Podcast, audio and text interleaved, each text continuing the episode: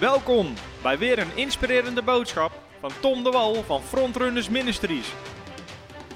We bidden dat je via deze aflevering geïnspireerd wordt in je leven met God en opgebouwd wordt in je geloof. Nou, vandaag gaan we het hebben over de opwekking. En je ziet het misschien al met de boeken die ik hier heb staan. Uh, we zijn bezig met een serie over God's Generals en opwekkingsgeschiedenis. Gods generaals, mannen en vrouwen van God die God heeft gebruikt om opwekking te brengen. En we hebben het vorige week gehad over Evan Roberts, hoe honderdduizend mensen in daarin een maand of twee maanden gered werden, hoe God heel Wales schudde. En het heeft in mijn hart al iets gedaan. Dat dat vuur, dat opwekkingsvuur, uh, nog sterker is gaan branden dan ooit tevoren. Mijn eigen uitzending heeft me geraakt. maar uh, ik, uh, ik was daar enorm weer opnieuw van onder de indruk toen ik in die verhalen dook. En die opwekking leidde eigenlijk naar deze opwekking waar we het over hebben. En dat is namelijk de opwekking waar we vandaag over gaan hebben. Is de Azusa Street Revival. En ik heb even twee boeken hier staan. Ehm, als het vuur ontbrandt. Een Nederlands boek over de opwekking in Azusa Street van Robert Liarden. En uh, van een ooggetuige uit die tijd, uh, Frank Bottleman, uh, Azusa Street, een eyewitness account to the birth of the Pentecostal Revival. Um, dus twee boeken waar ik ook informatie uit heb gehaald, nog veel meer boeken en lesmateriaal wat ik al had. Maar we gaan het hebben over de Azusa Street opwekking. En als titel heb ik het gegeven. En ik ben ervan overtuigd dat dat het is. En ook als ik kijk naar de impact. De Azusa Street Revival is de grootste uitstorting van de Heilige Geest. Sinds de uitstorting waar we over lezen in Handelingen hoofdstuk 2. De grote Pinksterdag uit de Bijbel. Nou, en dan hebben we het over uh, 1900 jaar later, iets minder, maar 1900 jaar later. Uh, kwam een uitstorting van de Heilige Geest op Azusa Street, waar ik over ga vertellen. Wat eigenlijk sinds de handeling hoofdstuk 2 de grootste uitstorting was sinds die tijd.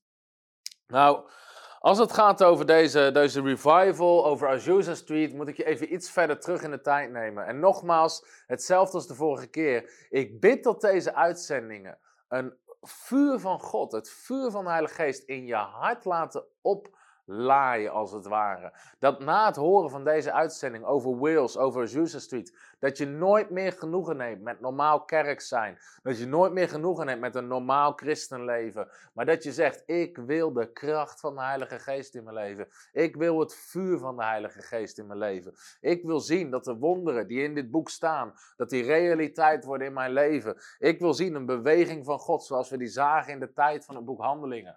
Want hetzelfde Heilige Geest als de apostelen en de discipelen hadden in het boek Handelingen, hebben wij ontvangen om dezelfde handelingen te doen die zij deden. En de verhalen van opwekking die ik met je deel, ik deel die niet alleen omdat het mooie verhalen zijn, maar omdat ik wil dat het vuur van de geest je raakt in je hart. En dat je zegt, dit is waar ik voor ga bidden, dit is waar ik voor ga in mijn wandel met God. Ik wil niet langer normaal christen zijn, ik wil niet langer normaal naar de kerk gaan. Ik wil opwekking zien, ik wil God zien bewegen.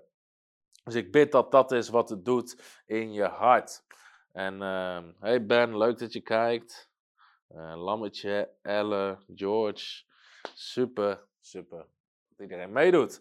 Oké, laten we gaan naar het verhaal van uh, de Azusa Street Revival. Nou, voor Azusa Street moeten we even een aantal stappen terug. En dan komen we uit bij het leven van Charles F. Farham. En je mag de eerste dia uh, mag je laten zien.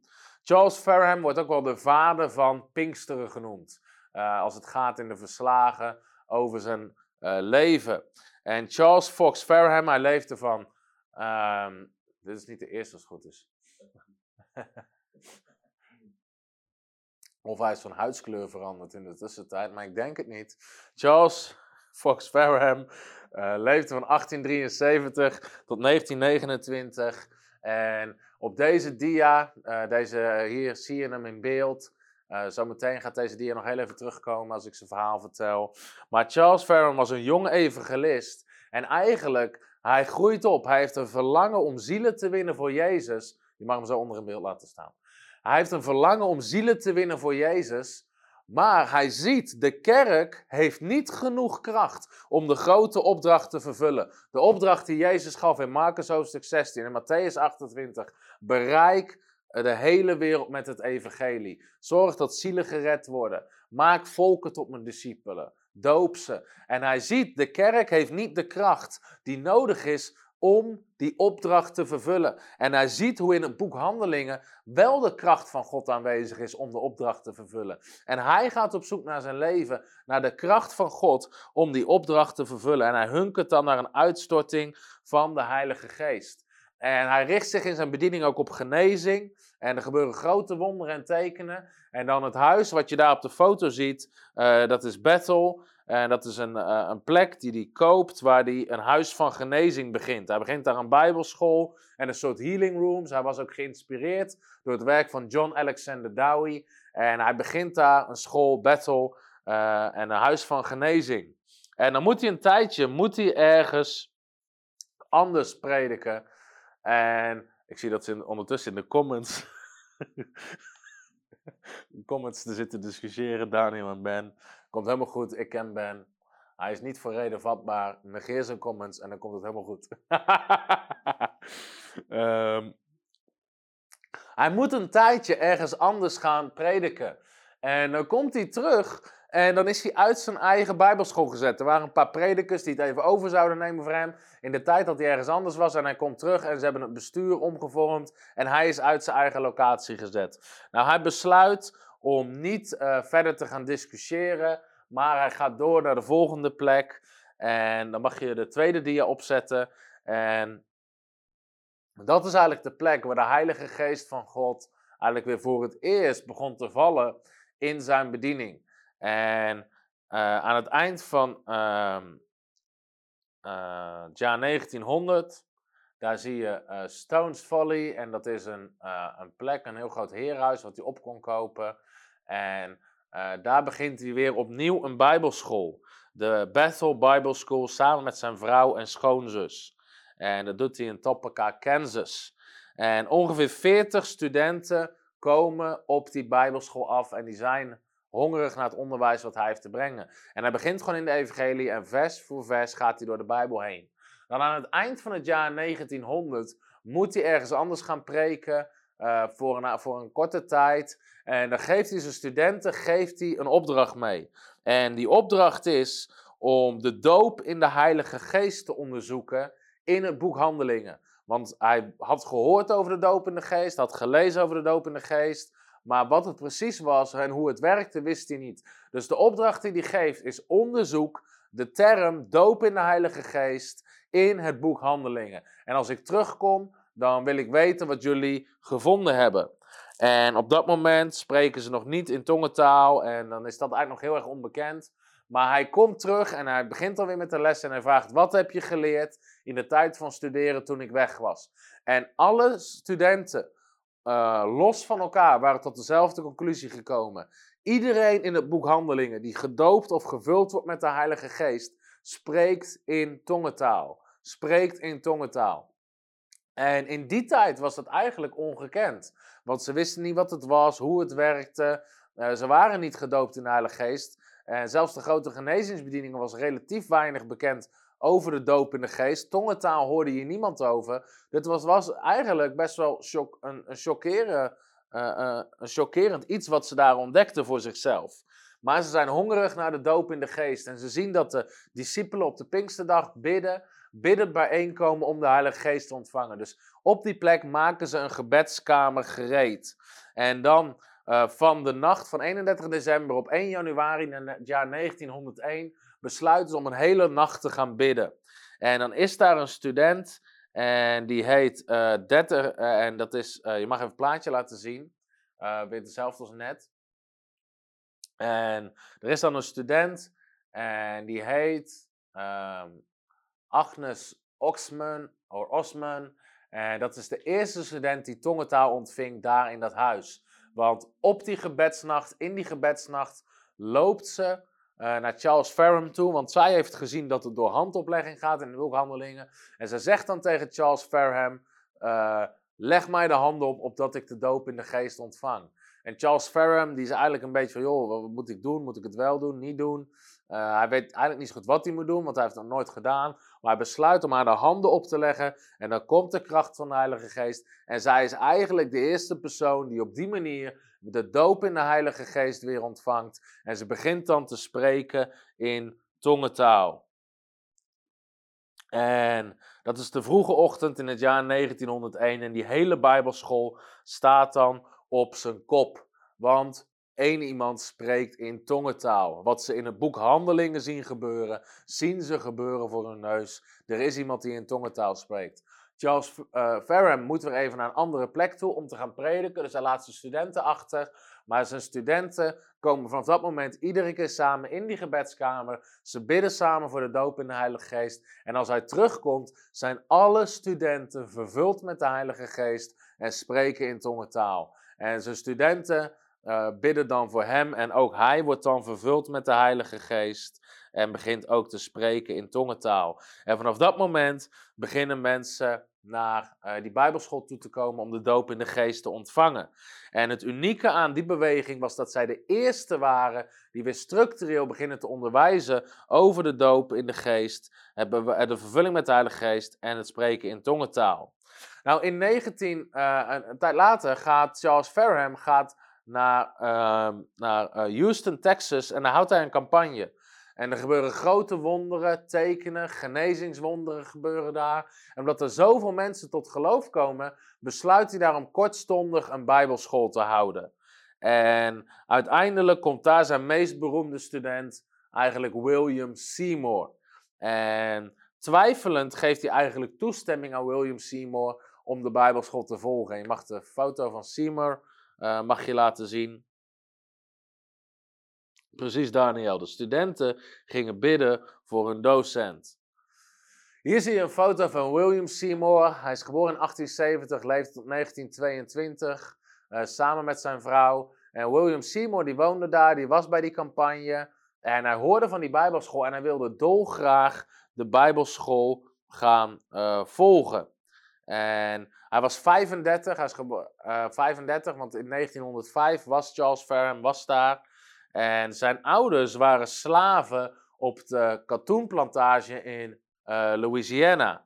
En in die tijd, even terug in de tijd, het is niet te vergelijken met de tijd waarin we nu leven. Het was de tijd waarin de Ku Klux uh, actief was, waar je, waar je rassenwetten had. Dus de, dus de donkere mensen werden gescheiden van de blanke mensen, mochten niet samen in één ruimte zitten. De slavernij was uh, volop nog in gang.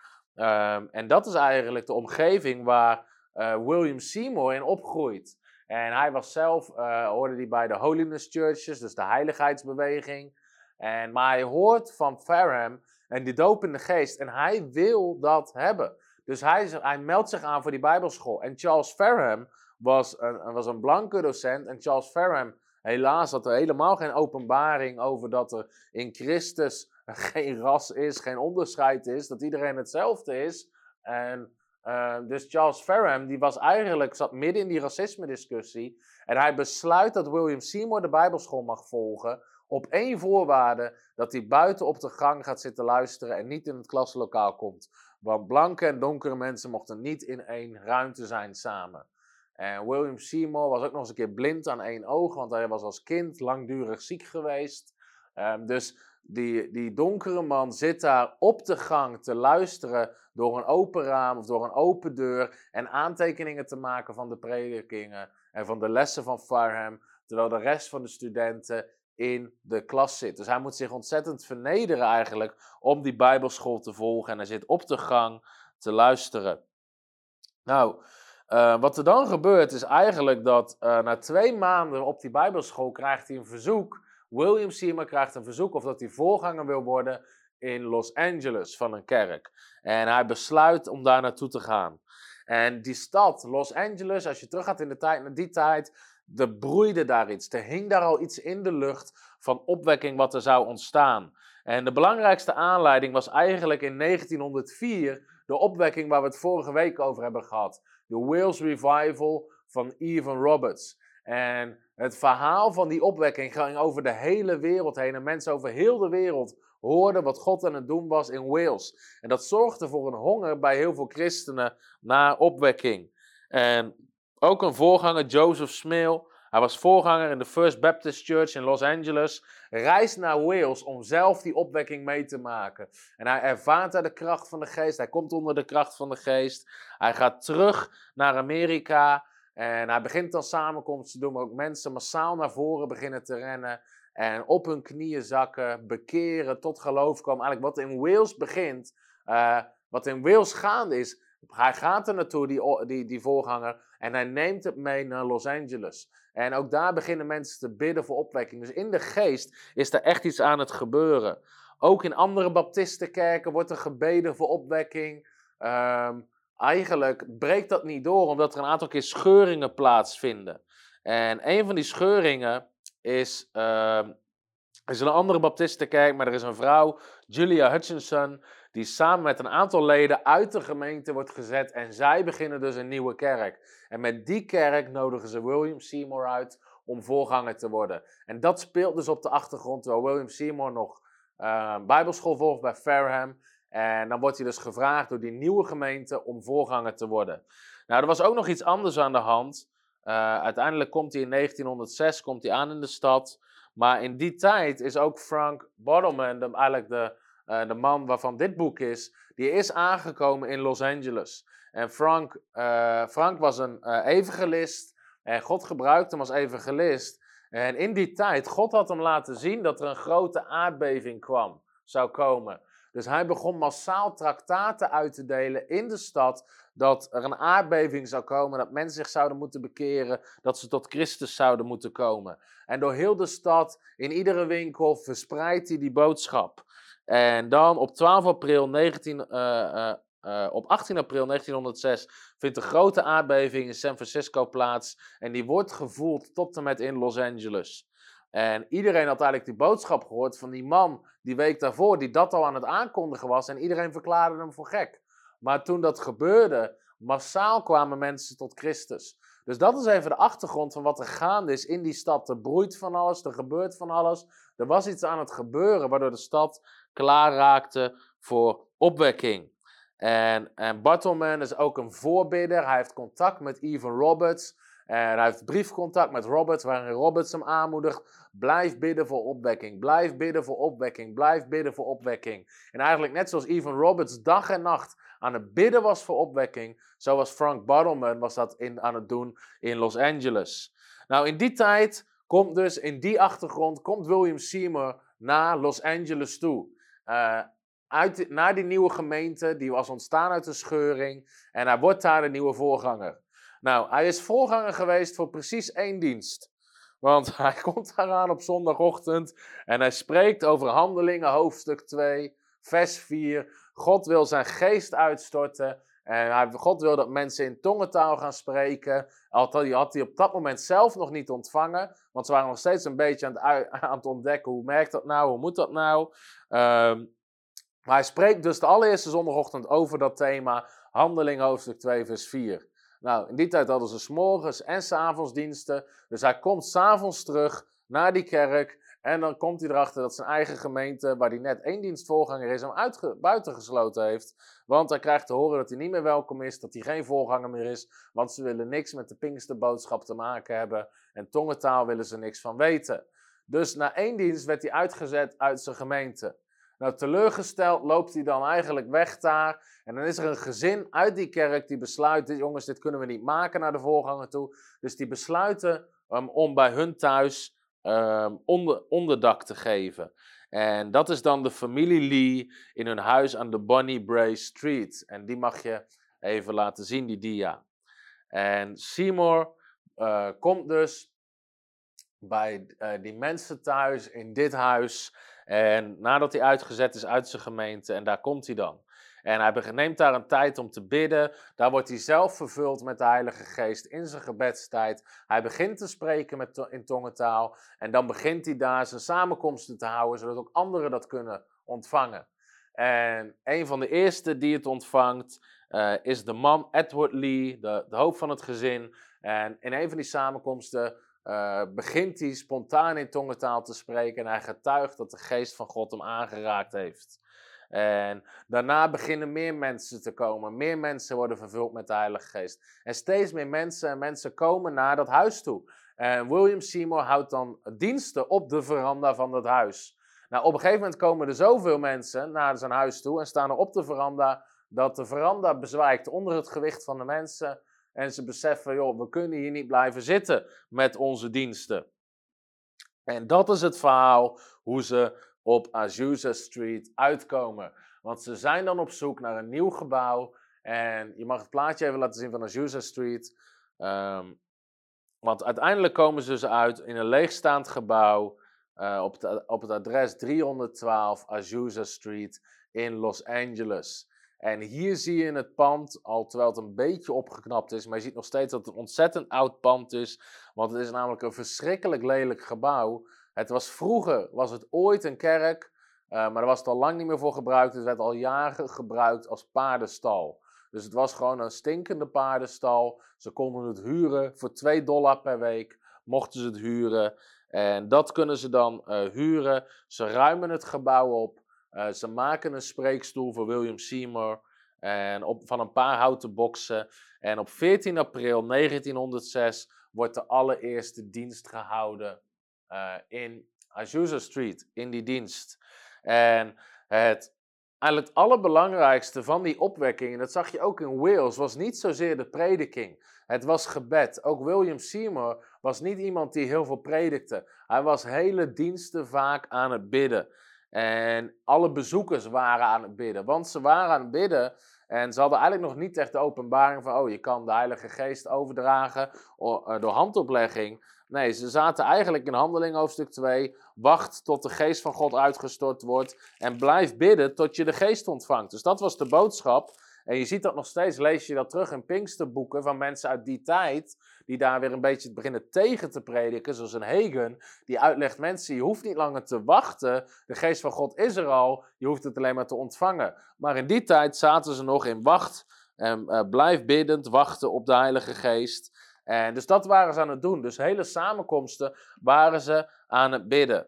En dan wat begonnen was bij die familie Lee, uh, werd voortgezet op de Azusa Street. En mensen ontvingen de doop in de Heilige Geest en begonnen te spreken in tongentaal. Nogmaals, even terug in de context van die tijd, wat ongekend was. Want niemand sprak in tongentaal. Niemand had gehoord over tongentaal. Niemand wist iets over de doop en de vervulling in de Heilige Geest. Dit was totaal nieuw. En mensen die ervan hoorden, die konden niet eens geloven dat wat uit Handelingen 2 nog steeds gebeurde. Want dit is dus 400 jaar na de Reformatie. En dit was gewoon totaal ongekend en onbekend. Dus daar gebeurde echt iets toen al die mensen begonnen te spreken in tongentaal. Nou, steeds meer mensen uh, komen naar samenkomsten omdat ze horen dat de geest van God is uh, neergedaald. En kan je die foto doen met dat uh, krantartikel? En dan met die, ja, die. Kan je die groot doen? En daar zie je de kop, Pentecost has come. Pinksteren is gearriveerd. Pinksteren is gekomen. En dat is dan de boodschap die verspreid wordt. mensen, Pinksteren is gekomen.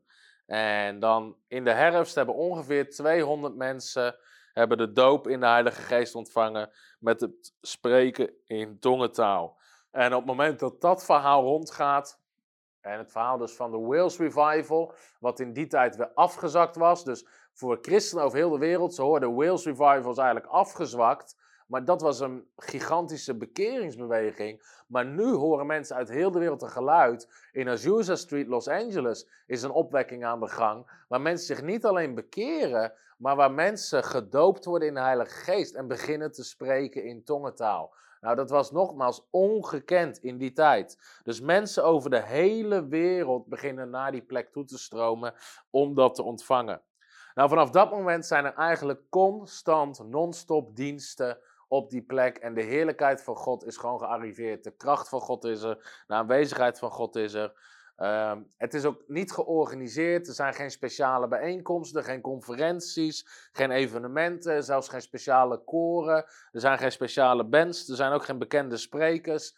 De diensten bestaan gewoon uit mensen die aan het bidden zijn om de Heilige Geest te ontvangen. Mensen komen binnen, Ze worden niet ontvangen, ze krijgen geen hand door een welkomsteam. Ze beginnen gewoon, ze gaan in de zaal staan en ze beginnen te bidden om de Heilige Geest te ontvangen.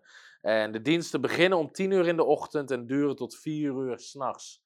Van 10 uur s morgens tot 4 uur s'nachts zijn er gewoon gebedsdiensten waar mensen komen om de doop in de geest te ontvangen. En duizenden mensen komen daar naartoe en die worden vervuld met de Heilige Geest. En die beginnen te spreken in tongentaal. En de tegenwoordigheid van God komt eigenlijk over de hele omgeving. Ik ga er straks nog wat verhalen over uh, vertellen. Maar de tegenwoordigheid van God verspreidt zich ook rondom het gebouw, waardoor mensen die gewoon in de buurt lopen al de kracht van God beginnen te uh, voelen.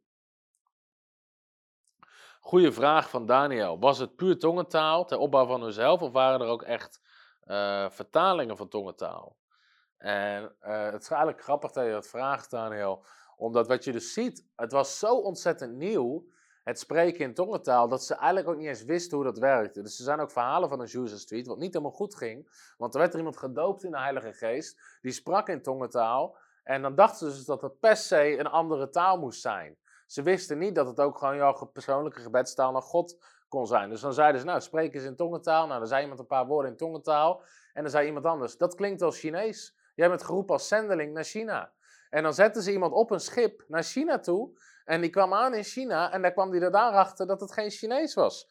Nou ja, in die tijd was het dus niet zo met een vliegtuig, je bent er een dag later. Nee, er was een reis van weken waar mensen alles achterlieten. Er in China achterkwamen dat ze geen Chinees spraken, terug moesten en moesten kijken welke taal het wel was.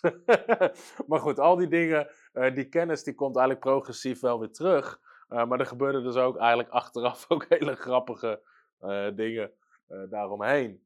Um, nou, de Los Angeles Times, een krant, die wijt dan een groot deel van de voorpagina aan de opwekking. En, maar niet echt positief.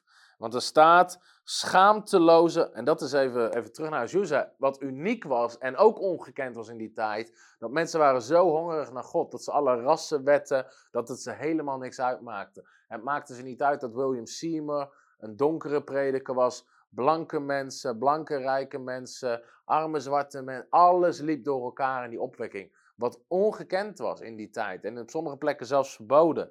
Dus de Los Angeles Times, de krant die schrijft, een schaamteloze vermenging van de rassen. En dan beginnen ze die opwekking te beschrijven.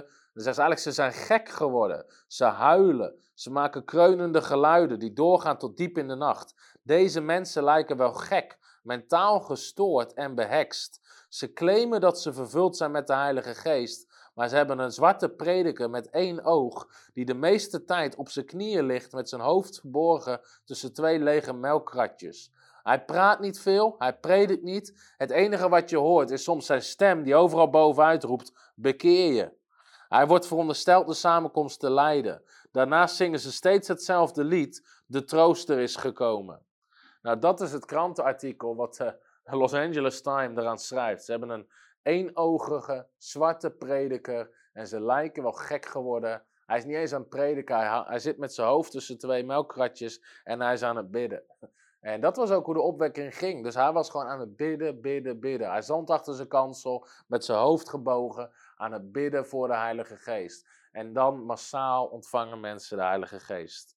Nou, er staan ook geen stoelen meer in het gebouw, maar er liggen gewoon uh, planken op spijkerkistjes waar mensen op kunnen zitten. Er is geen podium, alleen een zelfgemaakt kansel. Uh, de samenkomsten duren heel de dag. En de aanwezigheid van God. En ik ga een paar bijzondere verhalen nu vertellen van die Azusa Revival. Want de aanwezigheid van God komt zo sterk op het gebouw. En daar wil ik even iets over delen uit Handeling hoofdstuk 2. Want als de geest van God uitgestort wordt, als die echt uitgestort wordt, dan weten we eigenlijk niet wat we meemaken. Want de Bijbel zegt op in Handeling hoofdstuk 2, toen de dag van het Pinksterfeest vervuld werd, waren ze allemaal eensgezind bijeen. En plotseling kwam er uit de hemel een geluid als van een geweldige windvlaag en het vervulde heel het huis waar ze zaten.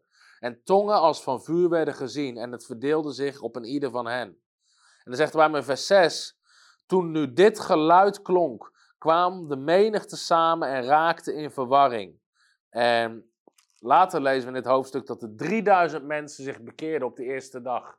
Dus duizenden mensen kwamen samen Omdat ze het geluid van de geest hoorden. Ze hoorden de uitstorting van de Heilige Geest. Nou, dit ging niet om het spreken in tongentaal. Want als je met 120 mensen in een dienst gewoon hardop zou spreken in tongentaal, zelfs zou schreeuwen, nou dan buiten het gebouw hoor je het amper. En laat staan één straat verderop. Maar in Handeling hoofdstuk 2 kwamen er 3000 mensen samen omdat ze het geluid hoorden. Dus het was een geluid uit de geest wat die mensen hoorden. Nou, op Azusa Street begonnen dat soortzelfde dingen te gebeuren. Want de kracht van God was zo sterk dat drie blokken rondom het gebouw, en in Amerika zijn die straten helemaal recht uitgelijnd, maar drie blokken rondom dat gebouw was de kracht van God nog zo sterk aanwezig dat mensen die daar liepen onder de kracht van de Heilige Geest onder het besef van zonde kwamen en kruipend naar de samenkomst gingen om daar hun leven aan Jezus te geven. En dat was de heerlijkheid van God die er was. Mensen kropen drie blokken om in de samenkomst te komen, om zich te bekeren en hun leven aan Jezus te geven. Zo sterk was de kracht van God. Er waren geen maaltijden tussen de diensten door, er waren geen pauzes. Mensen vergeten dat ze eten of slaap nodig hebben. En nogmaals, er waren geen, dus ze waren van 10 uur morgens tot 4 uur s'nachts. Er was geen, waren geen maaltijden, er was geen slaap, uh, er was, was geen eten. Het was gewoon aan één stuk door de kracht van God. Mensen die langs het gebouw liepen, vielen al in de geest, komen onder de kracht van God. Meerdere malen rukt de brandweer van Los Angeles uit, omdat ze gewaarschuwd worden dat het gebouw in de fik staat. Omdat voorbijgangers vlammen in en op het gebouw zien. Maar iedere keer als ze eraan komen, is er niks aan de hand. Het enige wat ze zien is een gebouw vol met biddende en aanbiddende mensen. Dus letterlijk, tongen als van vuur slaan op het gebouw, die zelfs zichtbaar zijn soms in de fysieke wereld. Mensen die binnenkomen met een bril, lopen weg zonder bril, omdat ze gewoon genezen in de tegenwoordigheid van God. Mensen genezen automatisch van astma, van reuma. Urenlang wordt er in de geest, in tongentaal gezongen. En het grootste wonder wat eigenlijk gebeurde, gebeurde uh, was de samenstelling van de bezoekers. Want in die tijd is er nog een radicale rassenscheiding. Het was verboden voor blanke en voor donkere mensen om bij elkaar in één ruimte te zitten. En de rijke blanken gingen zeker niet samenkomen met de armere, zwartere mensen. Het was not done, maar in die opwekking, in die beweging van de geest, was iedereen één. Alles komt bij elkaar. En soms zijn ze zo, de mensen die komen, zijn soms zo opgenomen in Gods aanwezigheid, dat ze drie dagen achter elkaar op hun knieën liggen en God aanbidden. En steeds opnieuw hetzelfde lied zingen over het bloed van Jezus en het vuur van God. Drie dagen achter elkaar. Mensen die de samenkomst inlopen, worden geraakt door de kracht van God, vallen op hun knieën. En drie dagen lang zitten ze in dezelfde houding. Dat was de opwekking van Azusa Street. Ik zie een vraag van Johan. Uh, Johan van Biljouw, hoe begin je of hoe krijg je het spreken in tongentaal? Um, dat is een, eigenlijk een andere uitzending, maar ik heb een boek geschreven. 50 redenen om te spreken in tongentaal. Als je dit boek nog niet hebt, wil ik je echt van harte uitnodigen om hem te bestellen in onze webshop. Uh, ik weet niet of je donateur bent van onze bediening. Als je donateur bent of wordt, kan je hem gewoon gratis krijgen. Want we geven al onze producten gratis weg aan onze donateurs. Maar hier staan ook gewoon stappen in.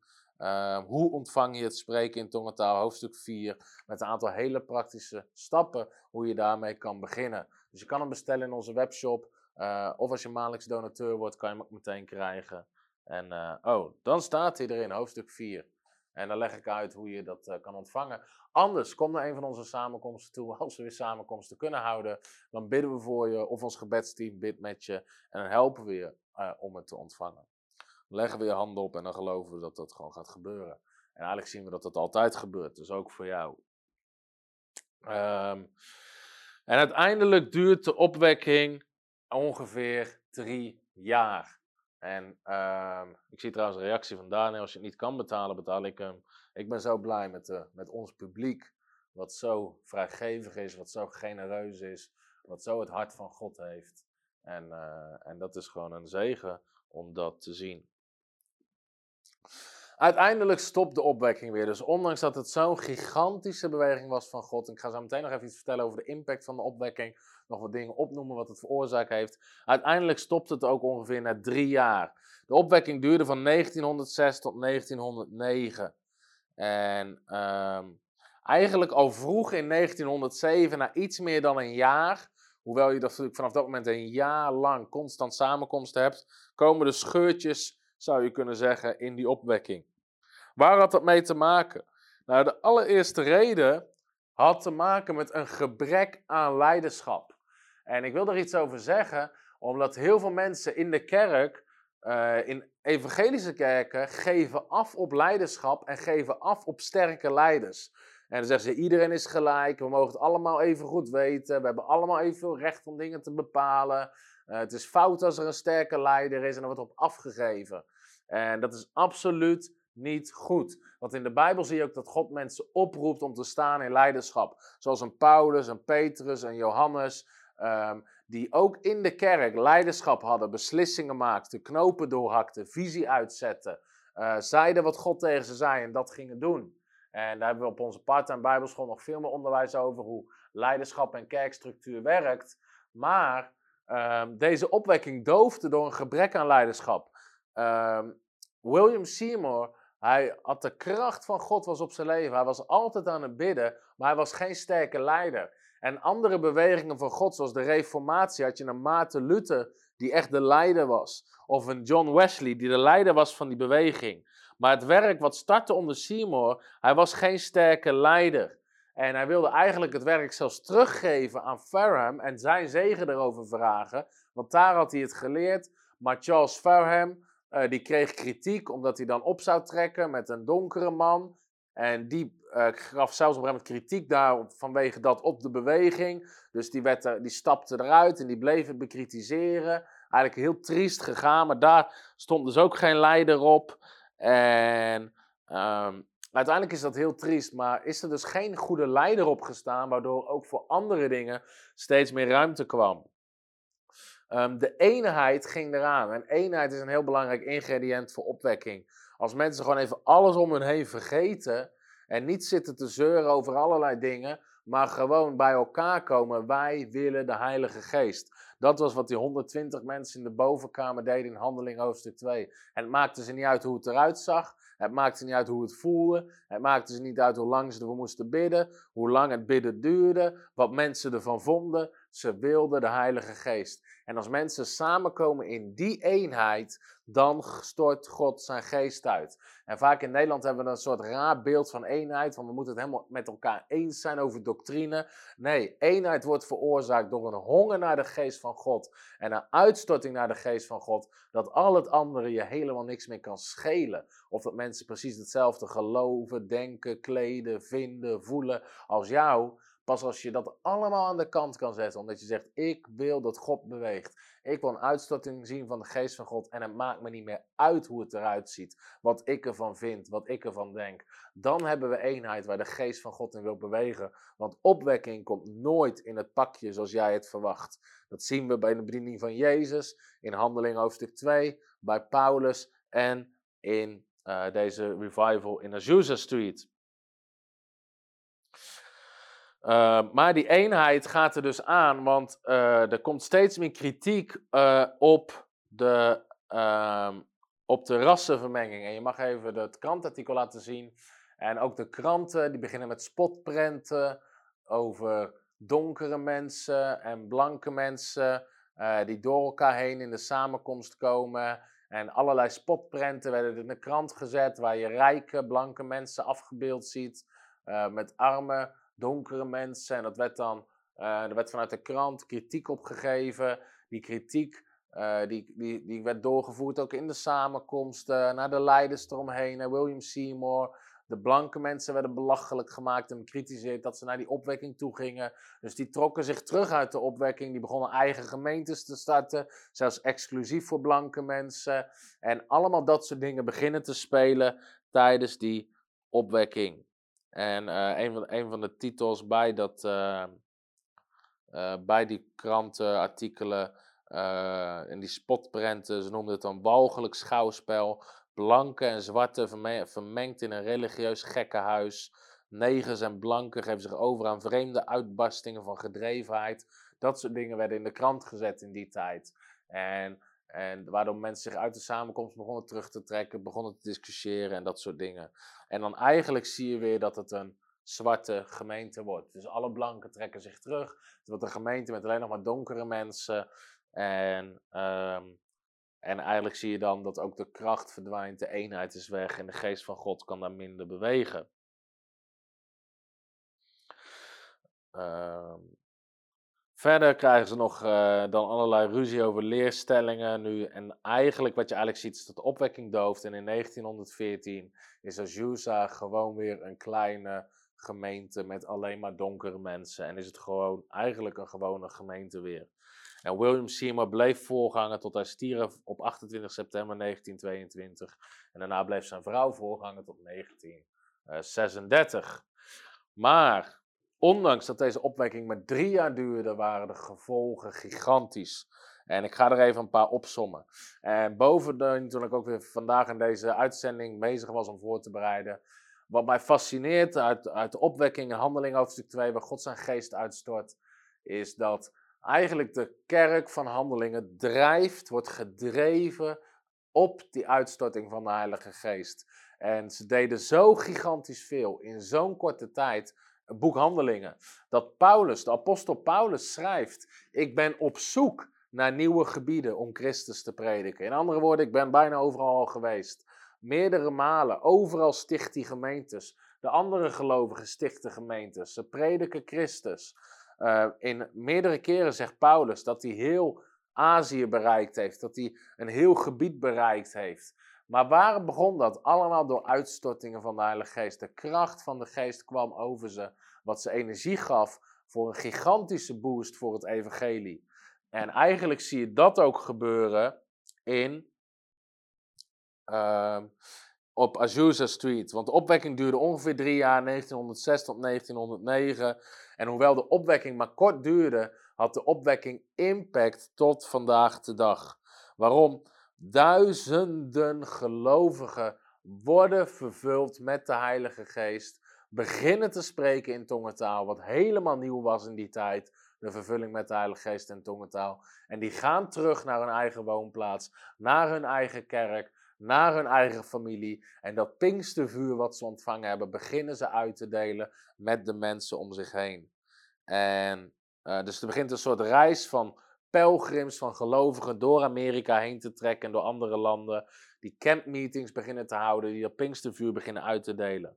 Daarnaast vanuit de hele wereld komen zendelingen naar Azusa Street. En die mensen nemen dat Pinkstervuur weer mee terug naar hun eigen land. Die beginnen daar mensen te dopen in de Heilige Geest. Dus vanuit die kleine Pinkstergemeente uh, in Los Angeles, in die paardenstal, verspreidt het opwekkingsvuur zich over de hele wereld. Binnen één jaar na de start van de Azusa Revival uh, zijn er meer dan 100 kleine Pinkstergemeentes gestart. Binnen een jaar na de Azusa Revival zijn er meer dan 100 kleine Pinkstergemeentes gestart. En dit is ook, dit is indrukwekkend. Dit is indrukwekkend. Uiteindelijk verspreiden zoveel zendelingen het vuur van Azusa Street dat binnen twee jaar 50 landen bereikt waren. Binnen twee jaar waren 50 landen bereikt met de boodschap van het evangelie, met de kracht van de Heilige Geest binnen twee jaar na die, na die uitstorting van de mensen die vanuit de Azusa Street weer verder trokken.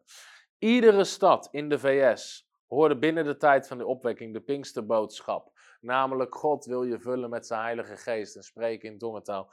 Iedere stad in heel de Verenigde Staten had gehoord van die opwekking en dat God zijn geest aan het uitstorten was, dat mensen in tongentaal begonnen te spreken en dat wat in Handeling hoofdstuk 2 gebeurde, nu ook in hun land gebeurde.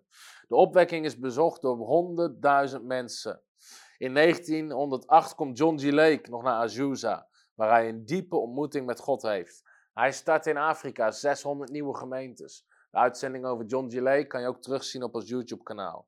De prediker Smith Wigglesworth, waar we ook een uitzending over hebben gedaan, ontving in 1907 in Sunderland de doop in de geest, wat ook weer via Azusa Street was ontstaan. En eigenlijk, als je terugkijkt, was dit geen opwekking.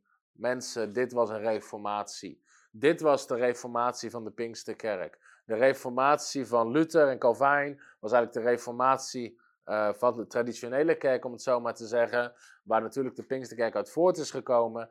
Maar Azusa Street was de reformatie van de Pinkstergemeentes. Dit ging verder dan een opwekking. Dit was een reformatie. Mensen, je kan de Heilige Geest ontvangen, je kan in tongentaal bidden. Het boek Handelingen is hier. Dat was niet zomaar een opwekking, dat was een reformatie. En behalve de eerste reformatie onder Maarten Luther, is er nooit een beweging in de kerkgeschiedenis geweest die zo'n grote invloed heeft gehad op de wereldwijde kerk dan die oude paardenstal op de Azusa Street, waar nog geen 400 mensen in pasten. Bizar als je erover nadenkt. Maar na de reformatie van Maarten Luther is er geen beweging geweest van God. Is er geen uh, beweging geweest in de kerkgeschiedenis die zo'n grote invloed heeft gehad op de kerkgeschiedenis dan, de, uh, uh, dan was deze Azusa Street Revival. Na de reformatie van Maarten Luther. En daarom noemde ik het ook de grootste uitstorting van de Heilige Geest na Handeling hoofdstuk 2. En het begon allemaal in een oude paardenstal in Los Angeles. Nou, de laatste 100 jaar, 100 jaar Pinksteren, want eigenlijk Pinkstergemeenten bestaan ongeveer 100 jaar, zijn er meer zendelingen uitgezonden. Meer voorgangers bevestigd, meer kerken gesticht en meer mensen tot bekering gebracht dan welke andere periode ook. Het is de grootste beweging onder het protestantse christendom. En de Pinkstergemeente vandaag de dag is echt gigantisch. En volgens mij heb ik zelfs in mijn, in mijn boek, in het voorwoord, ik moet even kijken of in mijn inleiding heb ik iets gezet over wat cijfers die je kon vinden. Ik ga even kijken, uh, heel snel, of dat ik het zie. Volgens schattingen waren in 2011 wereldwijd ongeveer 600 miljoen geestvervulde christenen. Officieel onderzoek. In 2011 600 miljoen geestvervulde christenen. En het starten in een paardenstal op de Azusa Street in Los Angeles. Met een zwarte prediker met één oog, die zijn hoofd tussen twee kratjes had en alleen maar aan het bidden was. Dat, en uit die beweging zijn 600 miljoen mensen gevuld met de Heilige Geest. Gigantisch. Gigantisch. En um, dus, dus dat is echt, uh, echt, echt gigantisch als je daarover nadenkt. En nog één les over deze opwekking die ik met je wil delen, waarvan ik denk dat die heel belangrijk is. Namelijk, ik, ik las dit in een van de boeken over Azusa Street. En dit zeiden ze erover, dit is wat Frank Bartleman erover zei. Hij zei, uh, kan nog één keer die krantartikel met de kop Pentecost has come?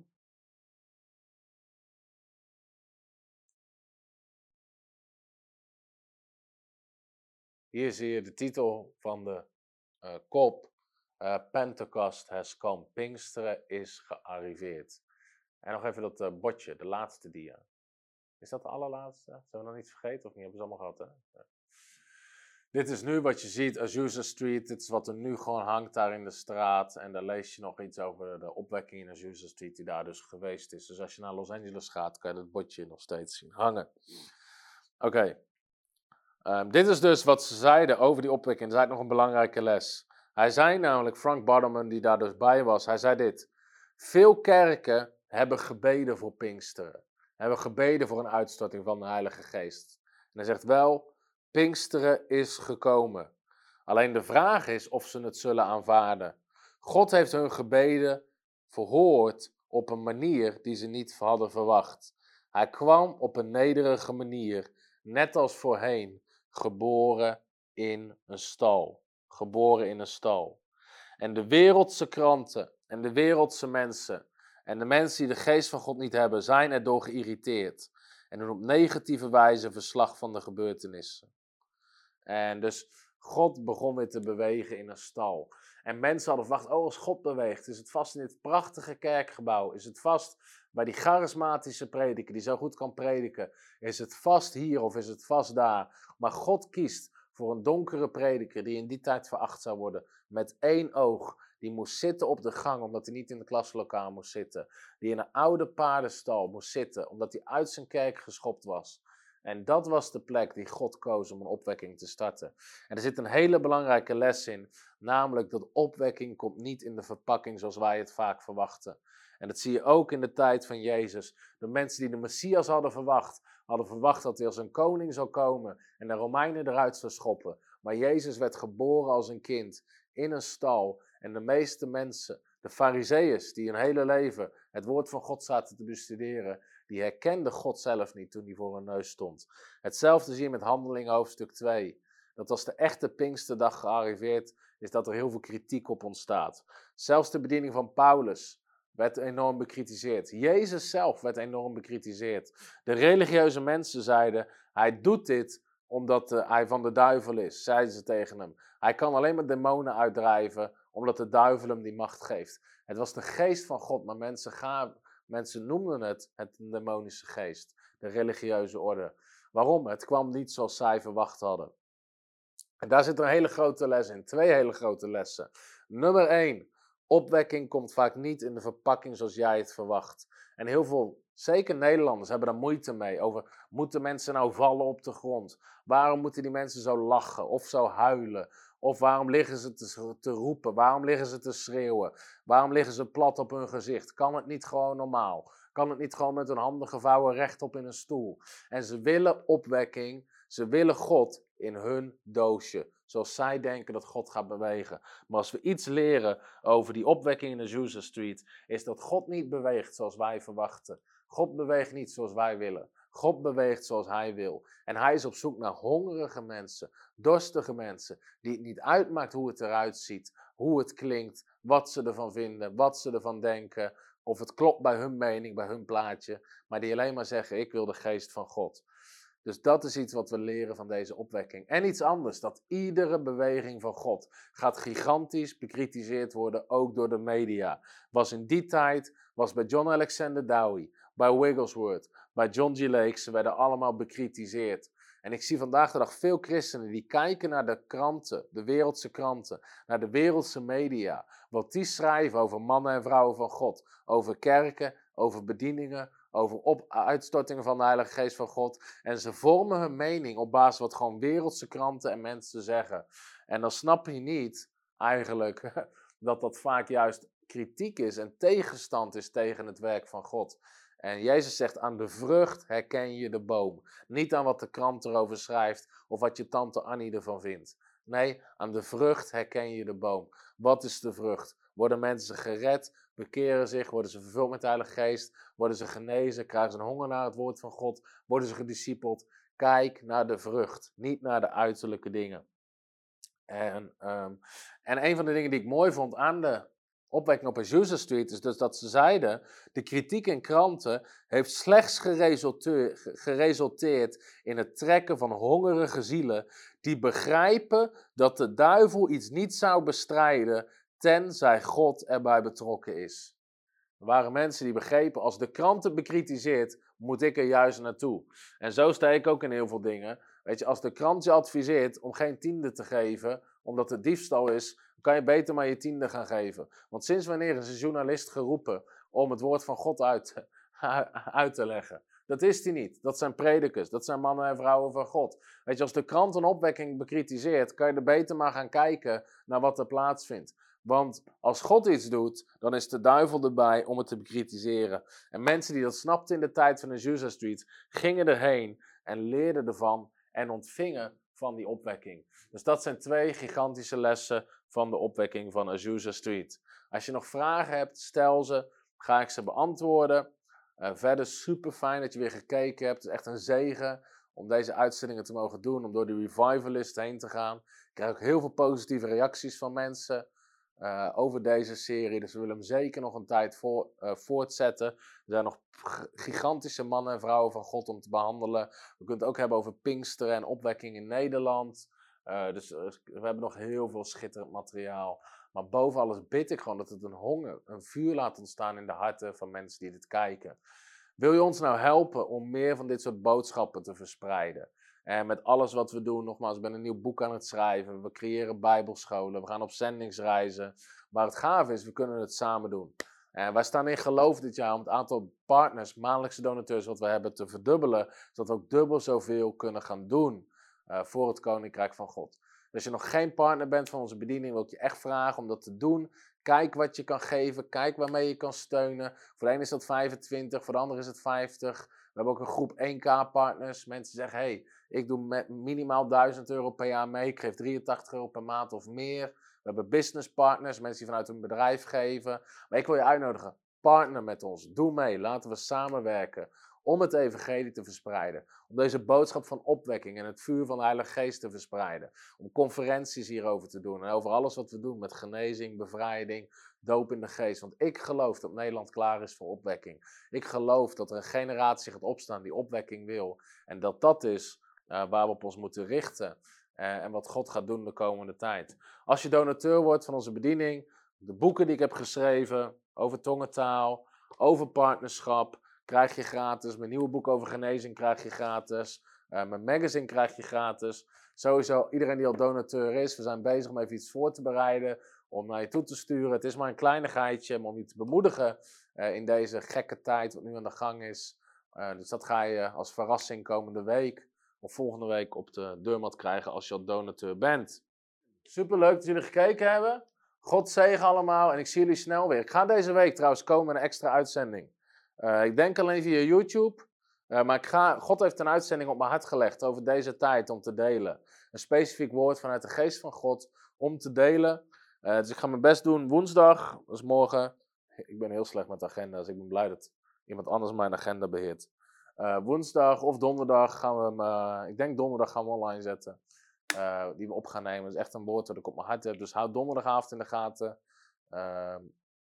Ehm, ik geloof dat het een boodschap is voor wie God wil geven in deze tijd van crisis. Amen. God zegen. Hallo, Tom de Wol hier en bedankt dat je weer geluisterd hebt naar onze podcast. Ik bid dat het je geloof gebouwd heeft en je bemoedigd bent. Als je niet alleen een luisteraar van onze boodschap wil zijn, maar ook een verspreider daarvan, wil ik je uitnodigen om partner te worden van Frontrunners. Door jouw maandelijkse donatie help je ons om dit evangelie van Jezus Christus en het woord van God over heel de aarde te brengen. Om partner te worden ga naar www.frontrunnersministries.nl slash partners en word partner. Hartelijk bedankt en tot snel. Heb je ook zo genoten van deze inspirerende boodschap van Tom de Wal? Abonneer je dan op deze podcast. Volg ons op Facebook en op Instagram en kijk op onze website frontrunnersministries.nl.